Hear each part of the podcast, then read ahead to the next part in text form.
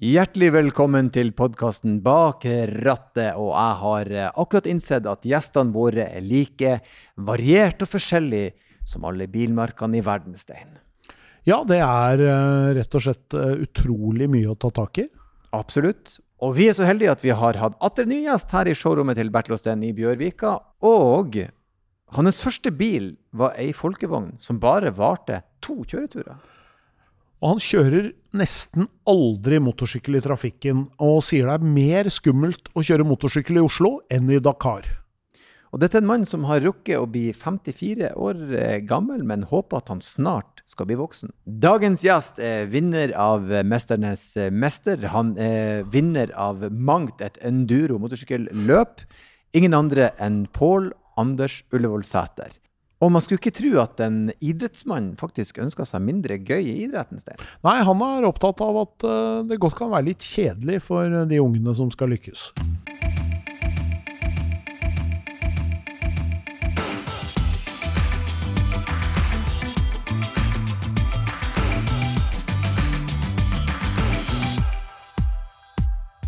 Ja, da kan jeg si velkommen til oss, Pål Anders Ullevål Sæter.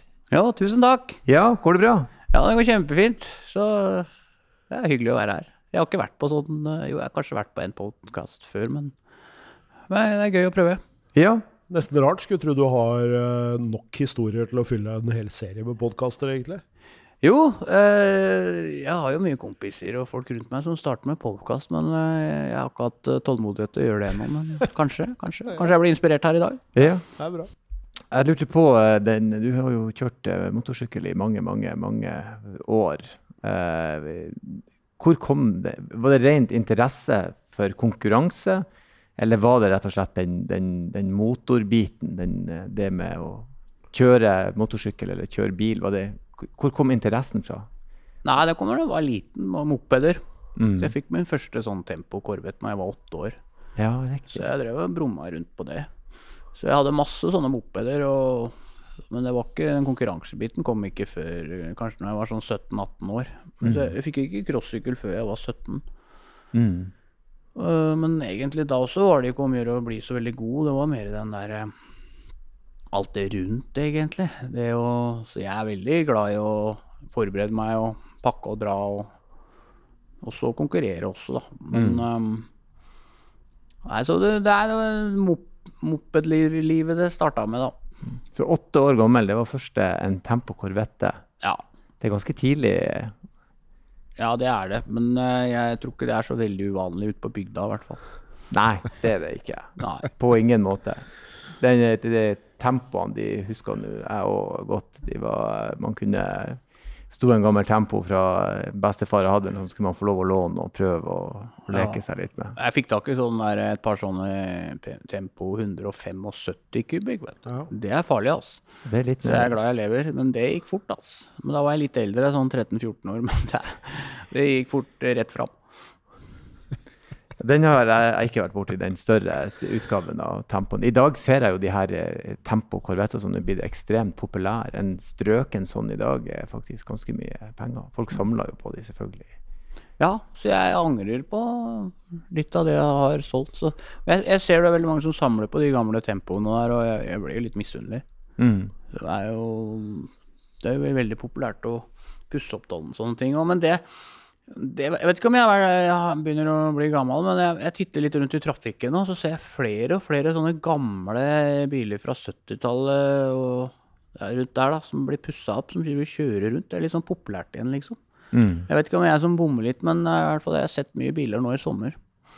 Kommer nok en del, og det er nok litt sånn med, med mopeder også. Det er, eh, det, er det, det blir en sånn Det er jo sånn med alt når vi blir i vår alder, så har man lyst til å ha det man hadde når man var, eh, når man var yngre, og så har man plutselig mulighet til både å kjøpe det og, og ha et sted å ha det, og da er det jo er det fristende å hive seg innpå det. Var jo liksom veldig sånn klassisk med var jo disse her, den der klistrelappen som satt med trafikkskiltene på, på Ja, ja. og sånn, så det er jo noe sånn ordentlig ordentlig retro. Jeg var så heldig jeg fikk låne Jeg hadde en kompis han hadde arva en sånn gull og hvit eh, Corvette av sin bestefar, eh, som vi brukte. Og det var jo Men det var jo tilsynelatende nesten helt uslitelige ting. Ja. Kanskje ikke sånn som du kjørte?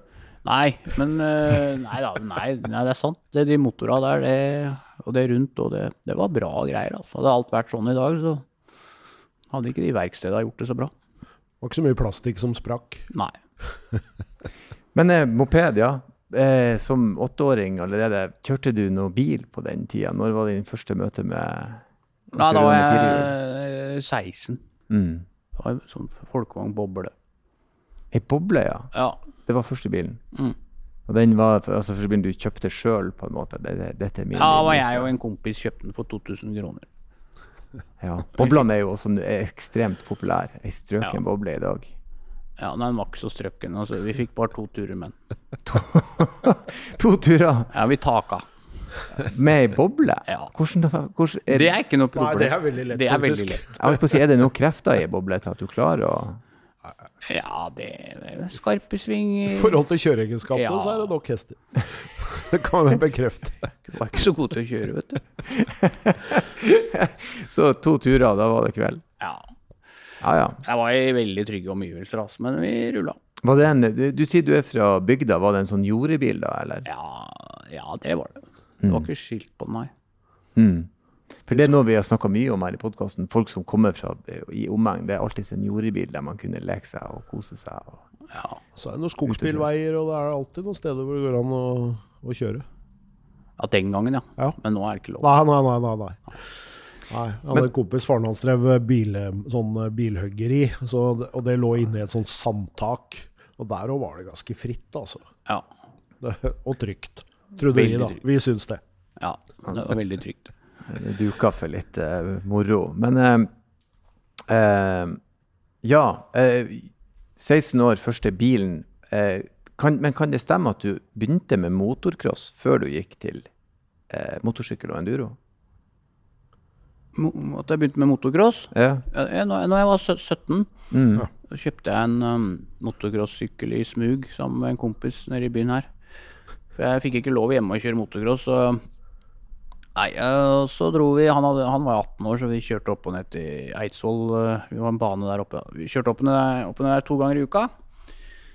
Så det var jo helt fantastisk og bra miljø, og det var drømmen, det, altså. Og så jeg måtte få lurt mutter'n og fatter'n til å støtte meg og bli med på dette. Så greide jeg det etter hvert, da. Så syntes de det var gøy, og så har de støtta meg, meg hele livet, da. Så. Mm. Jeg kom litt seint i gang. Jeg gjorde det. Ja, for 17 er ganske seint i forhold Ja, til når folk er starter, litt- egentlig. Men da er det mulighet til å holde på ekstra lenge, fant jeg ut. Så de, de fleste er jo nå lei når de blir sånn 18-19-20 år, ikke sant. Så, men problemet med de fleste som driver med, ja, som driver med motocross, f.eks., er jo at eh, de er fem, seks, sju, åtte år, og så får de motocrossykkel, og mor og far syns jo dette er veldig veldig gøy, og betaler alt, og så reiser rundt hver helg og sånne ting. Og så, men så er det det at når unga blir sånn eh, 18 år, 19 år, så skal de plutselig mm, bli påkrevd en haug med utdannelse og greie seg sjøl, kanskje. Mm.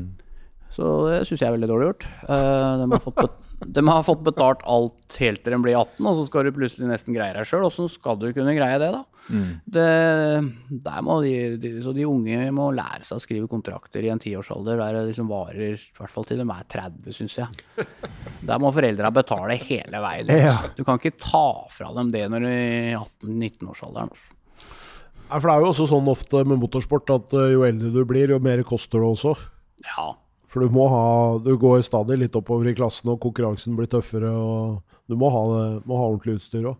Ja, jeg gjør det. Men er det er noen tilfeller der eh, mor og far, og særlig far, tror jeg, han vil gjerne bo fint hver helg, så de har ganske store biler, mange.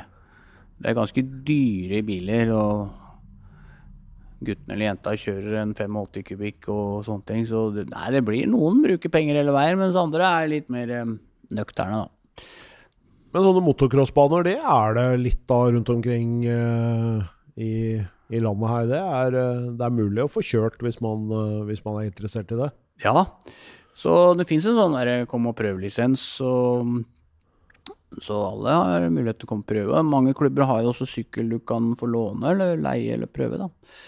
Så Nei, det er masse, masse baner rundt omkring. Så det er bra. Men eh, når du eh, litt nysgjerrig på denne biten, når begynte du å kjøre eh, skikkelig lange løp? da, Når den enduro-biten slo inn? Hvordan var overgangen? og Jeg begynte med motocross sånn i 86 på høsten der, og så drev jeg med det i tiårsperiode. Og syntes jo det bare var gøy. Jeg hadde jo ikke noen ambisjoner om å bli noen verdensmester, men jeg lærte veldig mye. Um, ja, det var vel særlig Roy Snellingen som var en av de beste den gangen, som jeg reiste rundt med i mange, mange år. og Jeg lærte alt gjennom han da, men jeg klarte ikke å utføre det helt. Men ti år seinere, i 96, så begynte jeg for fullt med enduro, da, som er litt Det er kjøring i skog og mark og En sånn EM-VM-runde der er jo to ganger åtte timer, og det passa meg litt bedre, da, men da fikk jeg utløp for det det jeg hadde lært gjennom crossen, og da hadde jeg blitt litt eldre, og det var liksom på tide å gi litt gass, liksom. Og da ville jeg litt mer. Da ville jeg, ville jeg vinne, da. Så da ble jeg gull, sølv og bronse i Europamesterskapet, og så fem, fem ganger har jeg vært blant de ti beste i VM og sånne ting, så, så da, da løsna det litt. Og så begynte jeg med Noen år seinere så begynte jeg med rally, da. Så ja. Så jo lengre, jo bedre. Ja, men jeg skulle til å spørre om det. Det, det må jo være ei vanvittig eh, fysisk påkjenning. Du kjører, det er jo veldig langt, og du er jo på, på, jobb hele tida. Det er jo ikke Ja. noe hvileskjær der. Ja, men jeg er litt, uh, litt treig sånn. Litt, men jeg føler kanskje jeg har grei, grei utholdenheten på dette greiene er bra. Men, sånn, men for, i motocross eksempel, så må du ha utrolig høy O2.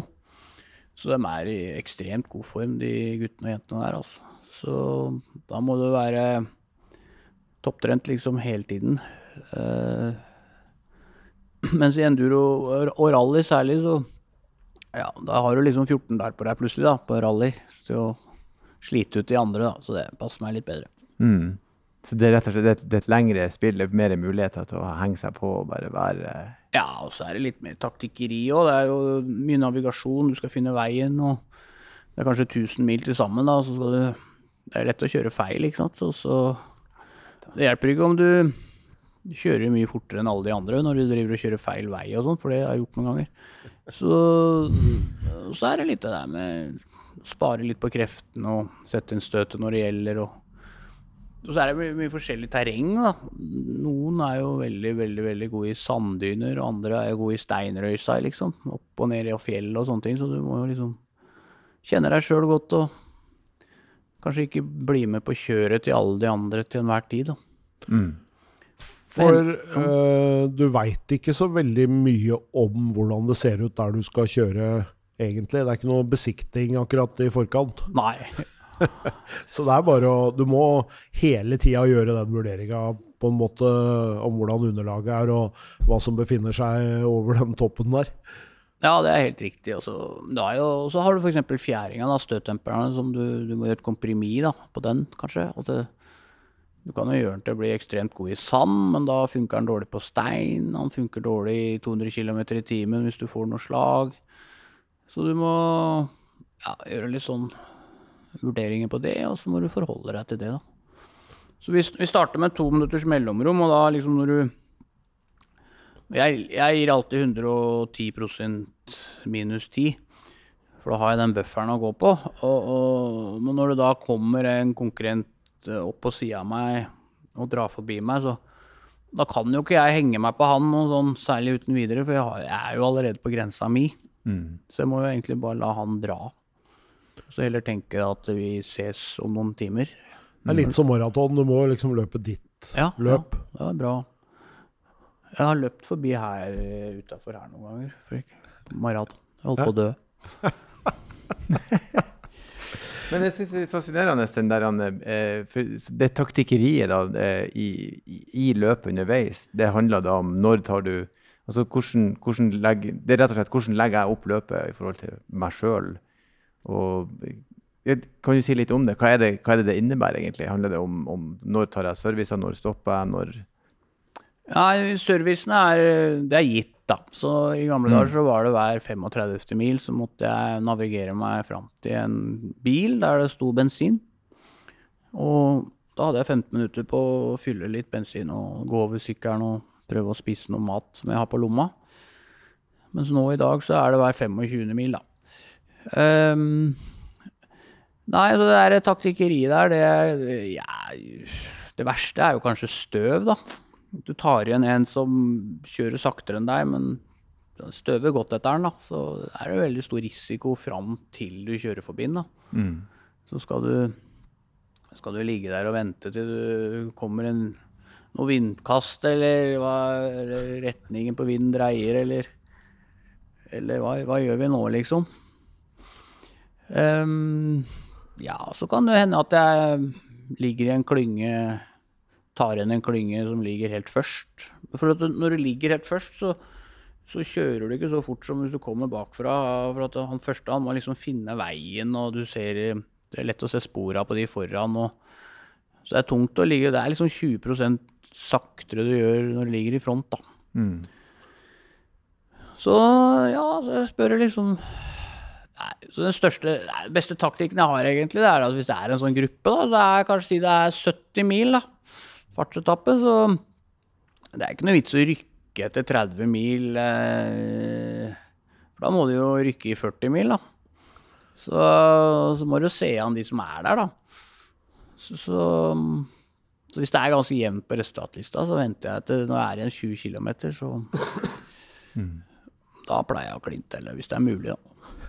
Er litt som Northug på, på, på femmila. Det er litt som Northug over, ja. Det er jaggu sant. Det er, eh, det er veldig frekt gjort, men eh, Så er det et par mil, finne en god posisjon, og så banke på, da. Mm.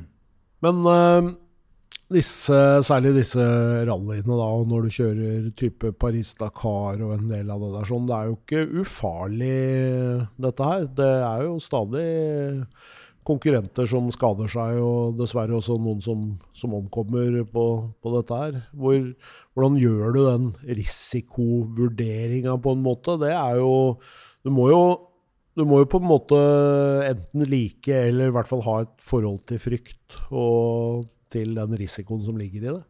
Ja, så det er litt av greia å overvinne det som er litt skummelt og farlig, da. Sånn at ehm, eh, liksom bare du kommer deg til mål og er helskinna, så er du jo veldig glad. Men vi er jo aldri redde når vi sitter der. Så vi, vi vurderer jo hver gang det er noe du tror er i veien foran der, eller som kan være farlig, så tar vi jo hensyn til det med, med en gang. Eh, og så er det litt sånn at eh, det er jo veldig ofte at det har vært i sånne nestenulykker. Du kommer i 170 over en bakketopp, og så står det kameler overalt. ikke sant? Og så rekker du ikke å bremse, men du bare pløyer tvers gjennom flokken. Og da blir jeg så glad, jeg. Jeg blir så glad, jeg. Jeg skulle, jeg, jeg, skulle jeg ikke bli det? Jeg syns det er så deilig da, at det gikk så bra. Mm. Istedenfor å fokusere på at jeg kunne kjørt meg i hjel. For det, det skjønner jeg jo. Men da, hvis jeg da hadde hatt den innstillinga, da kunne jeg jo ikke reist. For det er jo farer absolutt overalt. Så Og så merka jeg jo her hjemme at alt er jo farlig. Det er, alt er jo kjempefarlig, liksom. Eh, men så er det ting vi venner oss til som plutselig er jeg, får helt noia når jeg titter ut i trafikken og ser sånne sparkesykler. Altså det trafikkaoset som er hjemme i Norge her nå, det er, det er, det er mer farlig nedi her enn det er nede i Dakar. Altså, i, altså der følger folk med og, og, og finner plassen sin, og selv om det bare er kaos nede i Afrika. Men eh, jeg blir helt stressa, jeg, altså. Kommer det I Oslo nå så kommer det syklister nedover som i løpet av ett sekund plutselig er fotgjenger. For da skal det venstre og høyre over fotgjengerfeltet. Det er mye å følge med på her nå, altså. Og det er i øst og vest og Ja, og dette her er jo ikke ufarlig, det. Mens andre ting i samfunnet, det er jo livsfarlig. Bare for sånne småting. Kjører du motorsykkel i, til vanlig også, eller er Nei. det sånn at det er mindre av det? Ja, jeg har nesten ikke kjørt motorsykkel i trafikken i hele mitt liv. Men jeg har kjørt litt nå, for jeg driver og har sånne grusveikurs for motorsyklister. Så nå på sommeren nå de siste tre åra så har jeg kjørt litt med det, det kursgreiene, da. Men det er ikke noe at jeg kjører motorsykkel i trafikken til daglig, nei. Nei, for det tror jeg er ganske, det er ganske typisk, tror jeg. Både for de som kjører roadracing og, og andre. De er ikke så veldig glad i å kjøre motorsykkel i trafikken. Nei, når vi er i trafikken, så tror jeg vi liker å slappe av litt mer, da. Sånn som inne i bilen og kanskje høre på litt eh, Ja, eller ja, titte litt rundt seg eller se litt. sånn. Men når du kjører motorsykkel i trafikken, så må du følge med, altså. Så det blir jeg egentlig bare sliten av, sånn sett. Men eh, i byen, da. Men eh, når jeg er på tur og sånn, så er jo, det går fint, det. Så, men du skal kjøre en del motorsykkel i trafikken for å For å liksom ja, skjønne hele bildet, da. Du, du må ikke tro du blir sett så lett, eller Det er ikke så mange som observerer deg, sånn som du gjør blir i en bil. da. Ja, det er en helt annen eh, å si, det, det, er noe, det er to vilt forskjellige ting. Bil i trafikken og sykkel i trafikken er jo Man må bare gå ut ifra at ingen ser deg. Det er jo det som er Ja. Ingen ser deg. Du må bare rett og slett Du kan ikke hevde din rett, for eh, om du har rett og er død, så hjelper det jo ikke. ja, det er sant. Så det er veldig Nei, enkelt. det- Men det er fascinerende. Jeg likte det du sa der. Altså, du, du, du har eh, 170 km i timen, du pløyer gjennom kamelflokken, og så blir du glad. Ja, Eh, jeg blir så glad, jeg. Ja, for uff, det gikk bra. Men, men den, hvordan kontrollerer du da den frykten? For eh, de fleste som har kjørt bil, og jeg kjører også motorsykkel, jeg har vært i situasjoner der jeg har blitt redd. Men da, da kontrollerer ikke jeg den frykten. Eh, for man kan bli sånn nesten lamma av sånn Å, helsike, det her var Så det er, jo en, det er jo en egenskap å klare å fokusere på. Oi, det gikk bra, jeg er kjempeglad. Kontra å, helsike. Ja, men det var nok sånn kanskje det, Men allerede på motocrossen, når, det, når jeg krasja litt og sånn, da På motocross så tror jeg nok de første gangene jeg krasja, at jeg blei helt stiv og bare fløy rett fram og landa som en sekk, liksom. Mens, eh, mens nå, når jeg er, har feilvurdert litt da, og er utsatt for noe, så, så det sekundet, eller de sekundene, så gjør jeg alt for å kjempe meg tilbake igjen. Ja. Jeg, jeg rekker nesten ikke å bli redd, for jeg har så mye arbeidsoppgaver å gjøre i løpet av et sekund. Det er ganske mye du kan gjøre, f.eks. hvis du henger i lufta og flyr, så du ser hvor du skal lande. Så kan du ta inn flapsa, inn med armer, inn Ja. med bein, gjøre deg til en ball. Bli med på rotasjonen når du lander, krum, få inn hodet. Ja, det er masse sånne greier. Da. Så har jo trent litt eh, fallteknikk og sånn på turn, i turnhallen oppe på Økeren der på 90-tallet. Litt sånne, litt sånne lure ting da, som hjelper meg. Ja, det er ikke dumt. Hvis du setter ut armen, da har du et kjempeproblem. Ja, hvis du har mer enn fem kilometer og tar ut armen, så knekker den noe tvers av. Det har jeg prøvd. Oi. Men, ja, det, ja, det er de fleste som driver ja, Det er på tråsykkel og det. For sånn sand er ikke så veldig mykt når du kjører i 170, antagelig. Nei, og så er det ikke så mye sand. Eh, når du ser bilder fra disse rallyene, så er det disse fotografene står der det er sand, vet du. Men det er ikke mye sand. Det er steinrøys hele veien. Ja. Det banker og slår og Det går nesten et sånt forhjul om dagen. Det ser ut som et åttetall når vi kommer inn noen ganger. Mm. Men du har hatt noen krasj, da. Det, det har du selvfølgelig opplevd i løpet av Ja, jeg krasja Karrieren. noen ganger, men jeg syns jeg har krasja lite, da. mm. Som regel har det gått bra. Ingen alvorlige hendelser. Nei, ikke noe sånn spesielt. Men hvordan fungerer kroppen eh, etter så mange år med Det er jo ganske hard slitasje. De fleste toppidrettsutøvere har jo en del ting de plukker opp i løpet av Ja, nei, det, ja, det går bra. Det er vel, jeg har hatt noen, hatt noen hjernerystelser ganske tidlig i karrieren som fortsatt sitter der på en måte, da. mm. Så huet tåler ikke all uh, verden. Um, og så Nei, og så har jeg noen jernstenger gjennom låret og noe nedi noen bein og sånn, så jeg føler kanskje at uh, Ja, hvis jeg er ute og løper og sånn, så går det nok litt tyngre enn det skal, da. Mm. Men uh, nei, jeg skal ikke klage, jeg. Men det verste er nok kanskje de som har fått uh, litt sånn kompresjonsskader i rygg, ryggen, da. Mm. Fordi putene puten imellom knoklene der, hvis du får noen lekkasjer der eller sånne ting, så Det er ting du kan dra med deg gjennom hele livet, altså. Men jeg har vært heldig, altså. Jeg slipper det. Og så knæ knæra mine er hele. Mm. Det er det også mange som uh, sliter med. Mm. Så heldig, tross alt, vil jeg jo da si. Hvis du har ja, gode knær jeg har kjørt pent hele veien, så det har gått Passa på at det ikke går gærent. mm. Men vi har jo sett deg på 'Mesternes mester', så vi veit jo at du er i sånn tålelig grei, eh, tålelig grei form. For det, det var jo ganske det er jo varierte eh, arbeidsoppgaver der også. Ganske ulike krav til både styrke og Huet ditt så jo ut til å virke sånn tålelig ok der òg. Ja da, så 'Mesternes mester', det, det var helt fantastisk. Det var jo paradis. Uh, så, så mye Det er jo mye, utrolig mye bra mennesker, eller alle sammen, og det var jo Nei, det, det var en fin opplevelse å være med på, altså. Men, så, men når du kjører motorsykkel, da, sånn Ja, de formene jeg har drevet, så du må jo være i form. Mm. Hvis ikke så er du jo dau, liksom. Altså hvis du skal kjøre i 14 dager og sover to-tre timer om natta og får nesten ikke mat, og hvis du ikke er i form da, så er det dag tre og du ikke huet henger med og tar avgjørelser og klarer å skjønne det, altså, da, det er jo da du krasjer stygt, da. Mm. Hvordan trener du fysisk opp til de her løpene? Nei, det, det som er fint med ørkenrally, stort sett, det er jo at er veldig, de færreste får jo trent på det hver dag. Det er jo ingen som bor ute i en ørken. sånn, Kanskje nede i Chile og Argentina og sånn er det kanskje noen få som gjør det. Men ellers så må du ned til Marokko og nedover der og kjøre. og Det er jo Fabrikksteamene og sånne gjør jo det en gang iblant. Men, men, det er ikke bare å dra og trene rally heller. For hvis du er nede i Afrika og ikke er på løp, så er jo ikke sikkerheten er jo ikke ivaretatt når det gjelder et helikopter som kommer og henter deg hvis du har knekt ryggen eller sånne ting. Så, mm. så jeg har egentlig aldri trent på kjøringa. Jeg har bare kjørt løp, løp, løp, løp. Og så har jeg kjørt motocross og enduro her hjemme. Og så gått mye på ski og mm. løpt litt og så litt styrke, da. Mye sånn basisgreie. Ikke noe sånn derre eh, som står foran speilet og løfter vekter på gymmen, ja, altså. Um, ja, så mye sånn utholdenhetstrening, da. Mm. Så, men så nevnte jeg jo maraton i stad. Altså jeg, jeg, har jo meldt meg på maraton bare for å uh, ha det jævlig. Kan jo ikke løpe.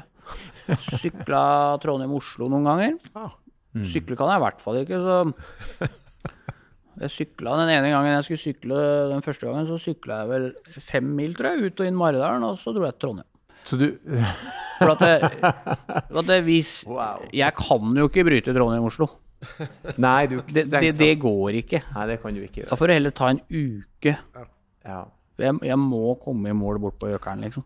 Men det, det, hva de kaller det for? Den store styrkeprøven Trondheim-Oslo? Det er en ganske ja. tung eh, ritt. Det er veldig mange som er med. Du, nå, er det, nå, er det, slutt, hører jeg.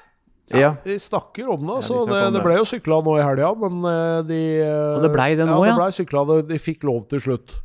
Så, men de måtte kjøre litt alternative, alternative veier.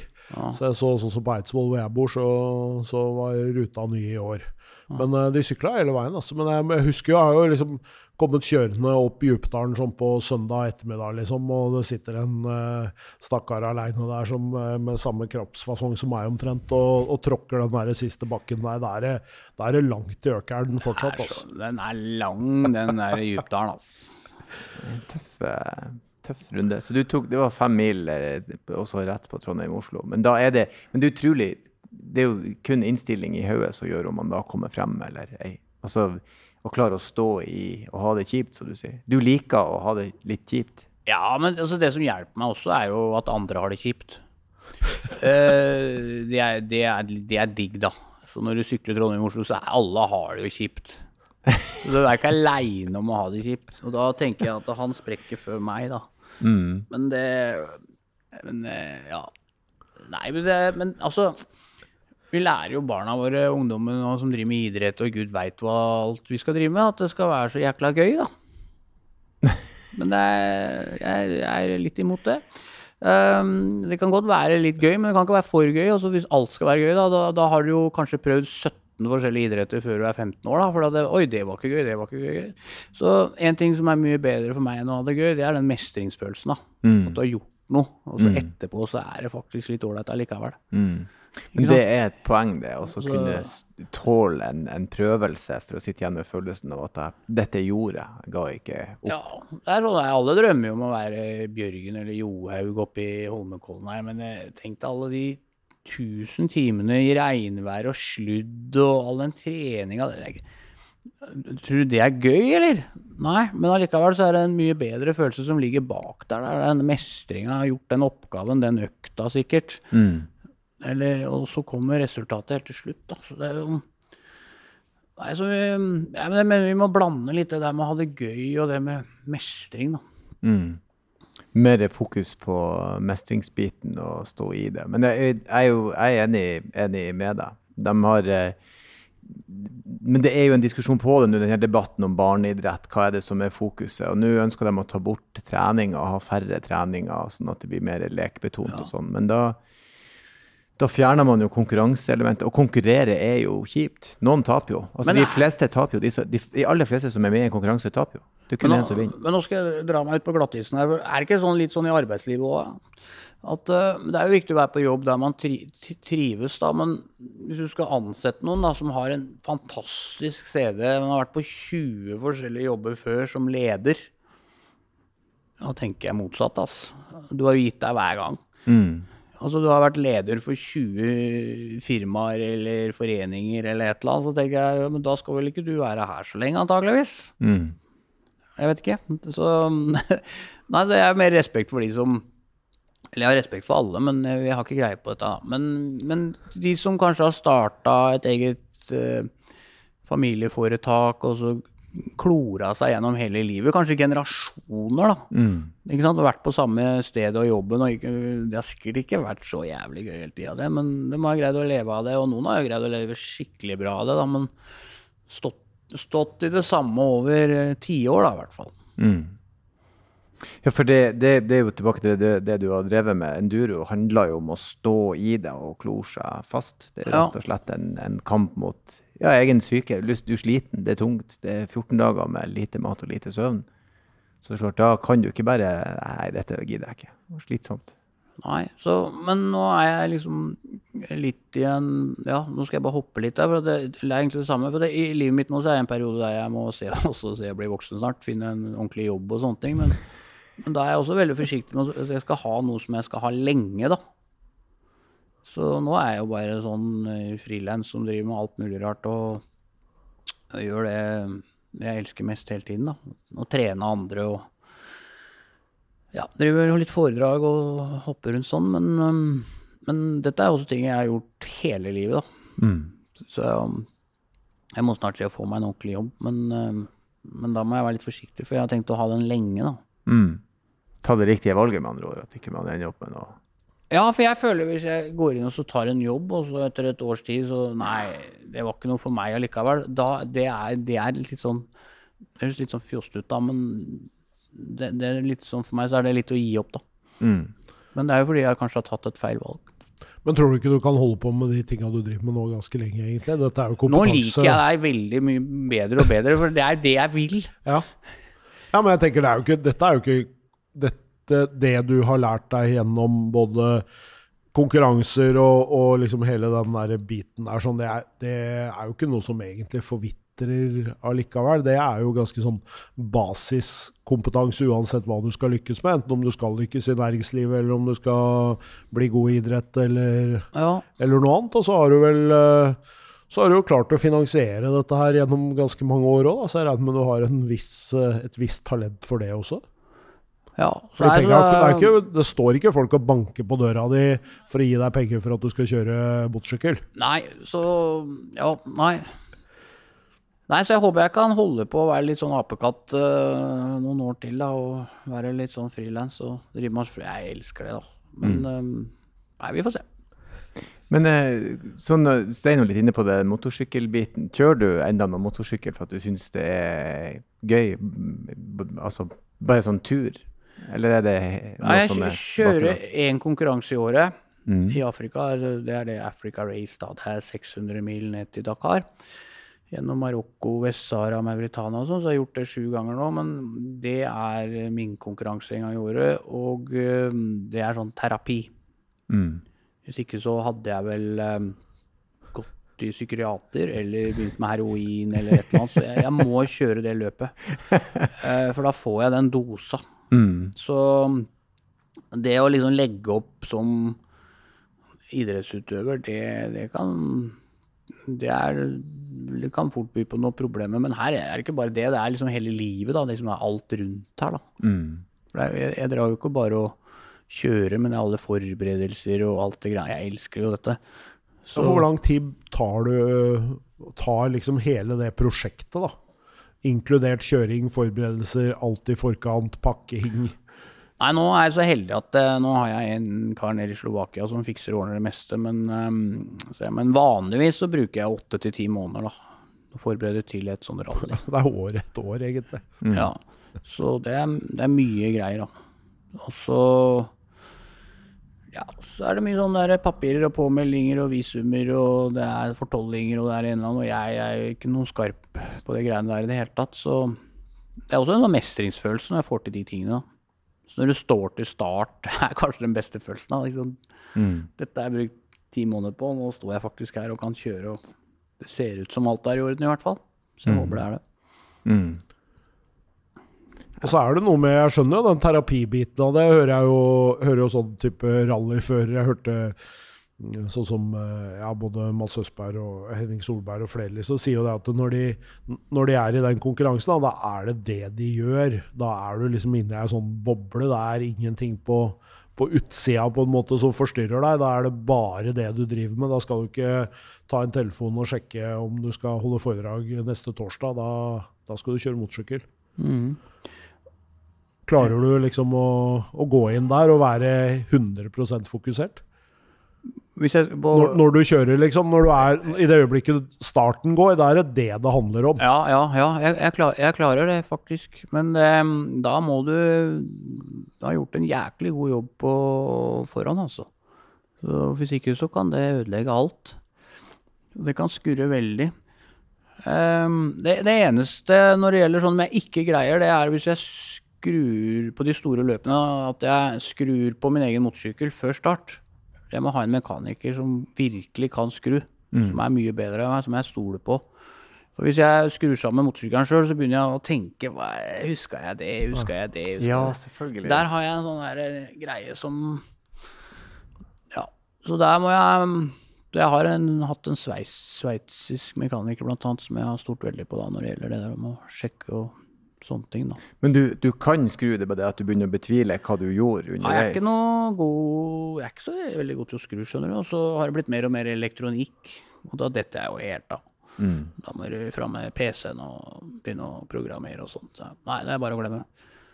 Men, men når det gjelder det å legge opp og være avhengig av sporten og sånne ting For at det, øh, er, i Norge så er det veldig sånn her at man, det er veldig viktig å gi seg på topp. Men så, men så har du, hvis man legger merke til noen ganger, så er det noen av de aller, aller beste, den, den bryr seg egentlig ikke om det. For dette er livsstilen deres. Det er hele Altså, da, da, det bryr de seg svært lite om. ass. Bare de kan få holde på og male på. Altså, de kan bare holde på helt til de er der nede, men det er om å holde på lengst mulig. For det, det er det kicket at det er så Eller vi har det så bra, da. Mm. Og der er jo motorsport kanskje litt unikt også, fordi at der ser du jo at det er eh, Der ser du at det er folk som kjører, eh, kjører rallybil, eller kjører, eh, kjører på bane eller kjører motorsykkel til de er 70-80 år, liksom. Det, de koser seg gløgg i hjel med å gjøre akkurat det. Ja, så Det som er litt synd, da, er jo at uh, i forhold til mye annet, så er det kost, koster jo Koster jo mye Koster mye penger, da. Men eh, Nei, det er som du sier, så Men et av mine, største forbilder, og, og som hjalp meg veldig, det var ikke Jeg kjente jo ikke han sånn, men det var Martin Skanke. For han holdt jo på, ikke sant. Han er jo de der, han holdt jo på lenge. Og han øh, hjalp jo annet meg, for jeg kjørte jo Europamesterskap i enduro. Og så var det også VM i enduro. Men, men om du vant, om du ble europamester eller verdensmester, eh, det spilte egentlig ikke så stor rolle. For Martin Skanke han kjørte europamester, han ble jo europamester. Ja. Og det var, det ikke, var ikke noe, vi kunne ikke bli større enn han. Han var jo europamester. Mm. Og da var det for vi andre også Vi fikk litt utbytte av det, da. Det holdt liksom med å være europamester for å få masse oppmerksomhet og kunne suge ut noe penger av det, da. Mm. Så takk til eh, Martin. Men det er det som gjør om man kan fortsette å drive med det. Liksom, hvis, du, hvis du vinner noe, så vil sponsorene selvfølgelig komme lettere til, eh, til bords og være med og bidra på, på en neste runde. Det kommer litt an på mm, kommer litt an på personligheten din, tror jeg. fordi at eh, hvis du bare vinner, og så Det tar jo bare noen sekunder, den premieseremonien der. Men det må jo komme noe mer. Det må jo være en eller annen historie, eller det må jo være en eller annen type som byr på noe, da. Da hadde du jo Martin Skanke, da. Ja, han var-? Han trengte jo ikke vinne for å Nei. kuppe hele sportsrevyen. Ja da. Han, Det holdt jo på at han svenskene hadde kjørt i ræva på han, ikke sant? og Martin måtte bryte. Så var jo det story, det. Men det er jo sånn på Det er litt sånn Northug har vært da, ikke sant. mm. Ja, den er mer en type eh, enn Så det er en sånn blanding der du må må være, dessverre. Og da i, i, det, i det greiene der så ligger det enormt mye penger for enkelte, da. mm. Men Martin han har jo en del eh, Eller hadde i hvert fall en del eh, temperament i seg. Ja. Uh, han er vel han, han, har, han har nok det vi vil kalle for road rage, vil jeg si. Sjøl om det kanskje først og fremst uh, fikk utløp på, på banen. Men mm. eh, vi veit jo at du er god til å kjøre motorsykkel.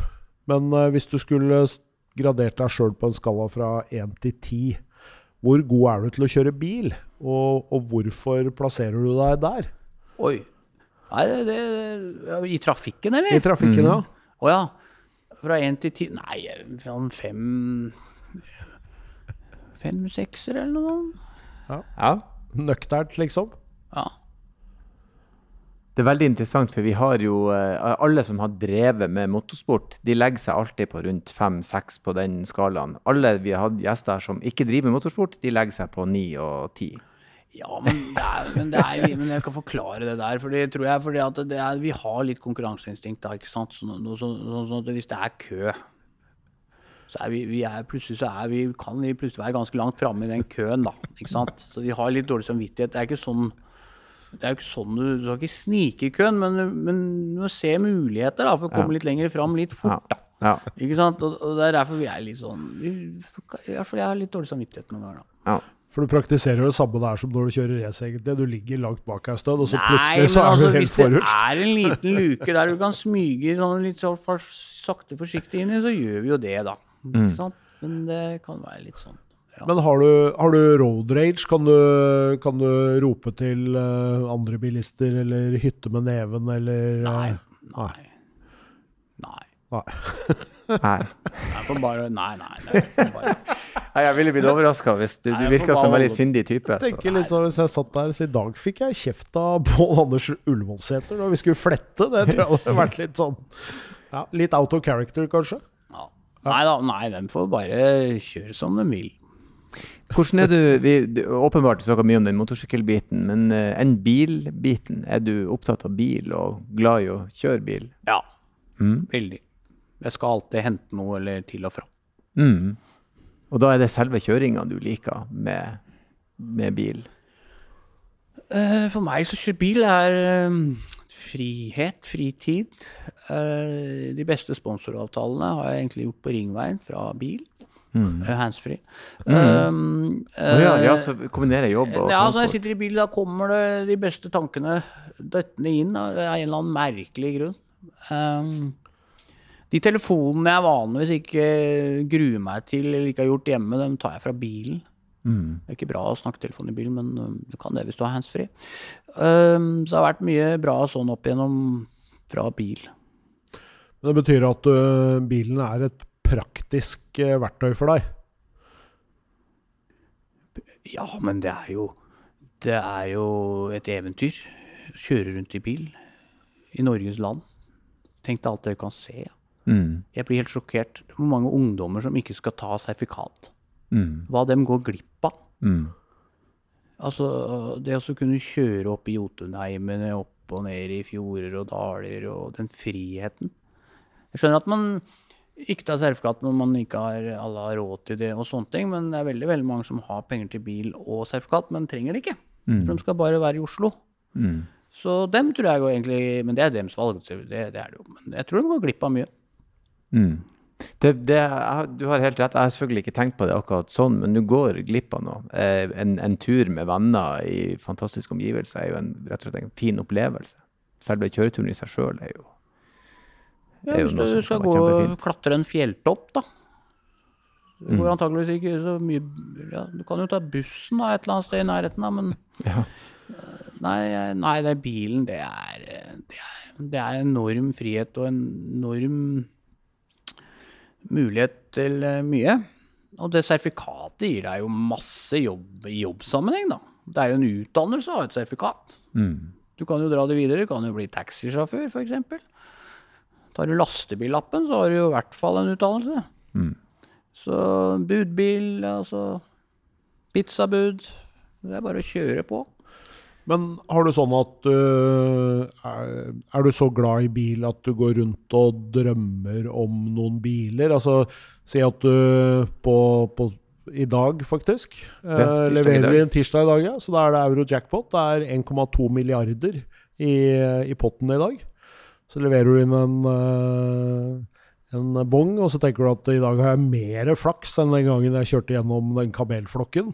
Så i dag så går den inn, liksom, og så tikker det inn 1,2 milliarder på konto. Ja. Har du, en, har du en, en eller flere drømmebiler som du ville ha kjøpt deg da?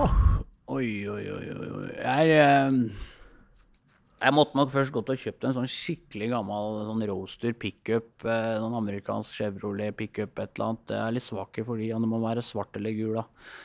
Um, motoren trenger liksom ikke komme opp gjennom panseret, men uh, Litt lyd, eh, men litt ja, lyd. Litt lyd, ja. Ja. Jeg har alltid ønska meg en sånn der gammel pickup. Um, nei, jeg, har, jeg er litt dårlig eh, på det der i bilgreiene, men Nei, en litt sånn eldre. Mm. Men av det nye segmentet så står det egentlig litt stille, ass. Men um, Men det er med du har kjørt mye Du har sikkert kjørt mye varebiler og mye biler med, som kan trekke henger, og det er jo en del ting man skal ha med seg når man er, driver med, med motorsport. Ja. Så en eh, skikkelig mm, firehjulstrekk varebil, ja, det har du rett i. Med plass til motorsykler og sånne ting, så mm, jeg kan kjøre helt ned til Afrika med. De varebilene jeg har hatt, dem, eh, den ene jeg hadde, en Mercedes Sprinter, den eh, hadde vært på fire kontinenter. Når jeg solgte den i 2017. Så mm, Nei, du får kjørt seg litt i bilene der. Et, eh, jeg lurer på, hadde du hatt en drømmemotorsykkel du måtte ha da også, hvis du hadde ubegrensa med midler? Hva hadde du Ville du ha gått for en ny sykkel? Hva ville i så fall det ha vært? Nei, da hadde jeg gått og kjøpt en gammel rallersykkel rallysykkel eh, som jeg har brukt i Paris-Dakar, og så pussa den opp 100 og brukt den i, tra i trafikken. I trafikken, ja.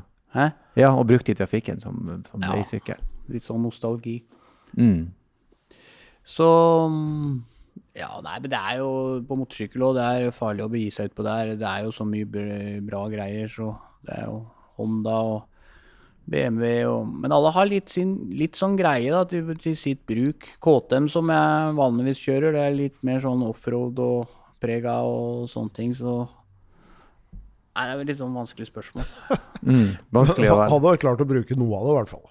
Ja, jeg skulle klart å bruke alt. Ja, det er godt å høre. Da gjenstår det egentlig bare å si uh, tusen takk for uh, besøket, Pål. Og eh, når du nå skal ut og kjøre, så får du kjøre forsiktig. Jeg må kjøre pent, dere også. Tusen takk for at jeg fikk komme.